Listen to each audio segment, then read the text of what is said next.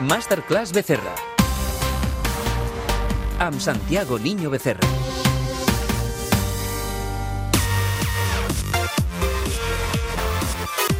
A molts llocs del món les borses no paren de batre rècords. A Japó, per exemple, l'índex Nikkei ha arribat a un nivell que no es veia des de fa 30 anys. Santiago Niño Becerra, bona nit. Què tal? Bona nit, bona nit, Chantal. Bona nit, benvingut, Santiago. A veure, no estem en plena crisi incentivada i agreujada per la pandèmia. Per què hi ha eufòria a les borses? Com ho expliquem als oients? Bueno, a veure, això, això és una cosa que té, jo crec, eh, que té molta tela, eh? A veure, des de fa... Jo, jo suposo que, el que els que ens estan eh, sentint ho han, ho han, bueno, ja ho han llegit, ho han sentit també.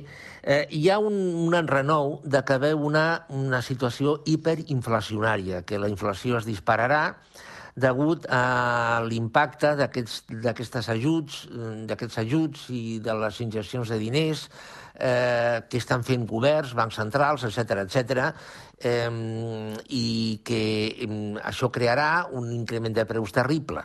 Llavors, els inversors el que estan fent és anar a, bàsicament, matèries primeres, eh, invertint eh, en matèries primeres, eh, petroli, blat, eh, blat de moro, etc etc. En segon lloc a les borses i en tercer, eh, i en tercer lloc a la, a la deuta pública.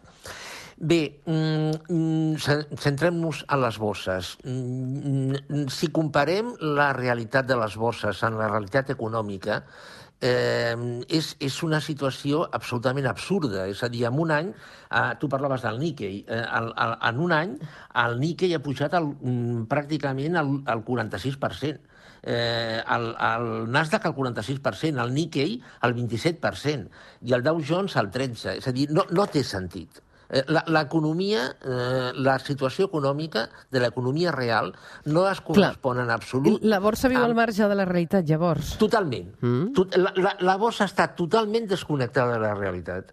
Eh, llavors, la, la borsa és un món en el que mm, bueno, mm, eh, eh, es pot bellugar eh, una persona que conegui molt bé aquest món i, i tingui, tingui informació de primeríssima mà, eh, que tingui molts diners i que entri en aquest joc.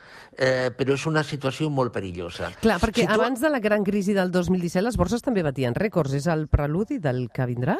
No, no, no, que va, que va. No té eh, que va. No, no, a més, seran situacions totalment diferents perquè aquella, aquella, aquell increment de, de borsa estava creat per una situació especulativa d'uns bonus que estaven basats en uns... És a dir, bonus complexes, és a dir, no, no, no, no té res a veure. Ara, a mi m'agradaria mm, concretar, jo, eh, si em preguntes si realment jo crec que vindrà un increment de la inflació mm. tan bestial com, com s'està dient, jo penso que no. Jo penso que no, perquè, eh, evidentment, eh, aquests diners no sortiran de les bosses, perquè si, si surten eh, de les bosses, les bosses s'enfonsarien, uh -huh. i en segon lloc, perquè Clar. no tenim ni idea de què uh -huh. passarà en, en el, amb el consum i quan arribarà realment la recuperació d'aquesta pandèmia. Només vull veure bitllets de 100. Fucking money, man. Signa del dòlar dintre la ment. Fucking money, man. Parlem de crisi, de recuperació econòmica, hi ha una paraula que cal tenir en compte, els ERTOs, no? S'han prorrogat fins al 31 de maig. Totes les desenes de milers de persones afectades recuperaran els seus llocs de treball o acabaran a les llistes de l'atur? Avui ens preguntem amb el Santiago Niño Becerra. Bueno, a veure, ja, d'entrada ja s'està ja dient de que els ERTOs es prorrogaran fins al 31 de desembre, eh, a, a, a, almenys en certs sectors. Eh, és, aquesta, eh, aquesta pregunta que tu has fet, Chantal, és la pregunta. Mm -hmm. és, és a dir, d'aquestes 700 al voltant de 730.000 persones que encara estan en ERTOs, quantes tornaran? Mm, hi, ha, hi ha moltes teories. Hi ha, hi ha qui diu que no només mm, eh, que, mm, no tornaran totes, sinó que inclús arribaran noves que, que ara no estan en ERTOs i que eh, es ficaran, les ficaran en ERTOs per com està la situació. Eh, hi ha estimacions que parlen de que unes 500.000 persones poden no tornar a, a treballar i, i passaran a l'atur. El que passa és que ara per ara, sincerament, mm, qualsevol número és una pura loteria que eh, es diu perquè no hi ha bases. Uh -huh. Sí que es diu en turisme i hostaleria que un 20% de les persones en ERTE podrien no recuperar la seva feina, no? Sí. El Banc d'Espanya, concretament, eh, ha publicat, doncs, em penso que ahir, eh, una, bueno, un, un informe que, que parla de que el 40% de les empreses eh, no, no només hostaleria, eh, en general, és a dir, no, no és... Poden tenir, poden tenir eh, problemes eh, per tornar els seus diners, per, ten, per, per tornar els crèdits que han demanat, al 40%, i que al voltant d'una empresa de cada tres, més o menys, eh, que hi ha a Espanya, pot tenir algun tipus de problema. Uh -huh. Llavors, això, sincerament, és, és una situació per, per pensar. Eh? Clar, tu, com dius sempre, el problema més greu per empresaris i autònoms no? eh, és la liquidesa. Dius, un 40% sí. d'empreses que dificultats per cobrir les sí. seves despeses financeres. Sí.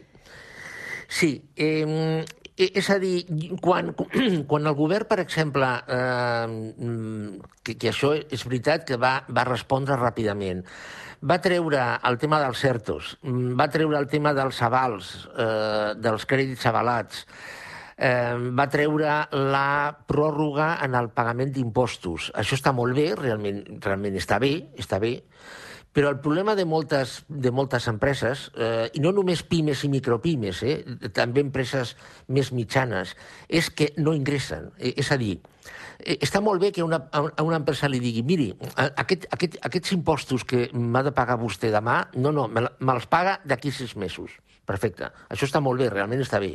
Però el problema de l'empresa, el problema d'avui per demà, és que mm, eh, no, no té reserves, no té ingressos. L'altre dia, dia és el diumenge passat. És a dir, fa una setmana.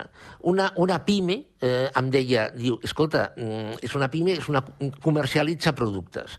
Eh, em deia, és que mm, aquest any passat pràcticament no he ingressat ni un euro. És a dir, aquest any ho he passat amb reserves que jo tenia déu nhi Perquè aquesta setmana hem conegut que Pedro Sánchez anuncia ajuts d'11.000 milions d'euros per a empreses, mm. pimes i autònoms, però només els, pels sectors de l'hostaleria, restauració i turisme. No sé si ajudarà amb alguna cosa, aquests bueno, 11.000 eh, milions d'euros. Bueno, 11.000 milions, això és calderilla, eh? A, a, això són quatre duros. És a dir, eh, mm. Eh, estem, parlant, estem parlant de que eh, eh, s'estima que els autònoms eh, deixaran d'ingressar, des de que ha començat la pandèmia, eh, 70.000 milions d'euros. És, és a dir, 11.000 milions és poquíssim, i si, a, i si a sobre... El problema, el problema és que Espanya és un país pobre i probablement no pugui eh, donar més diners en ajuts.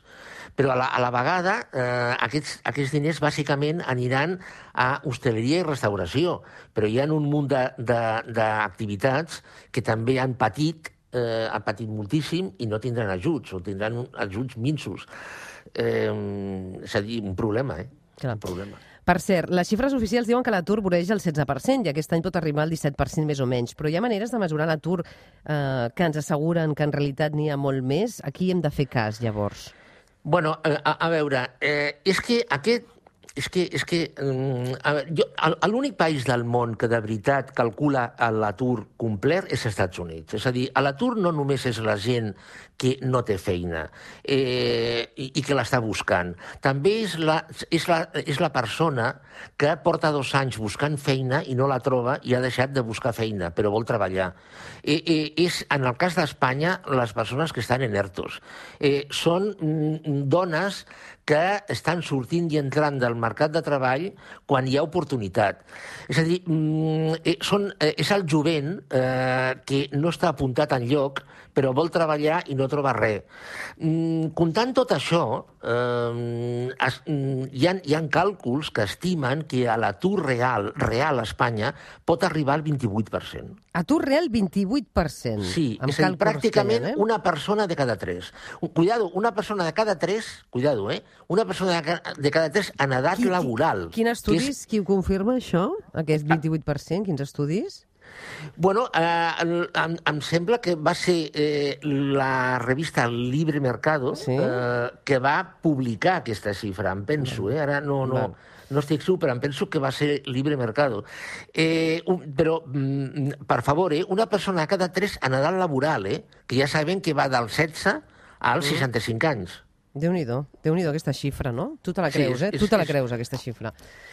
Comptant tot, sí. Comptant, comptant tot, sí. Me la crec. Eh, és a dir, perquè, perquè sobretot, eh, sobretot en el tema de les dones i del, i del jovent. Uh -huh. És a dir, hi, hi, ha, hi ha jovent que treballaria, encara que fos per hores, però és que ara no està trobant res.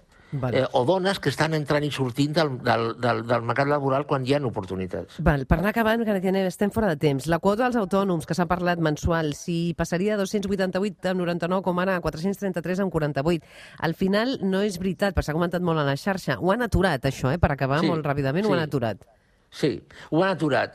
Això és una, una mesura totalment recaptadora. És a dir, mm, l'Estat necessita diners, necessita ingressar diners, i ha pensat que mm, per aquesta via eh, pot recaptar. El que passa és que, clar, mm, per a molts autònoms això és absolutament inassumible.